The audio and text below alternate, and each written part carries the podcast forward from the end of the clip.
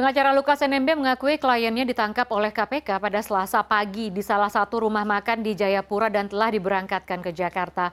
Dalam keterangan pers di Jayapura pada Selasa sore, tim pengacara Lukas NMB mengatakan pihaknya sempat mendatangi Makobrimo Polda Papua namun tidak bertemu Lukas NMB.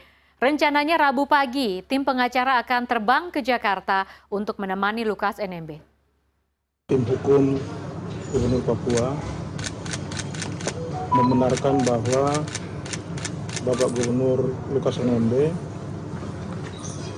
tadi dijemput oleh eh, penyidik KPK dan kami baru tahu setengah jam setelah itu katanya informasinya dibawa ke Brimob. Kami tim hukum koordinasi kami segera ke Brimob ternyata Bapak sudah dibawa ke eh, bandara.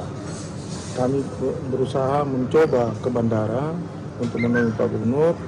Ternyata kami sudah sampai di bandara, beliau sudah terbang.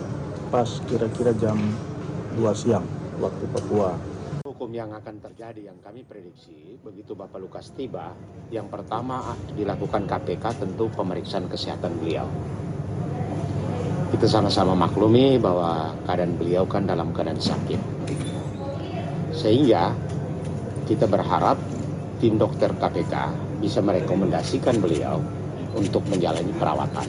Andainya entah peralatan atau ahlinya tidak ada, kami masih tetap berharap supaya permohonan kami agar Bapak Lukas uh, menjalani perawatan di Singapura dengan dokter-dokter yang sudah sering melakukan visit di Jayapura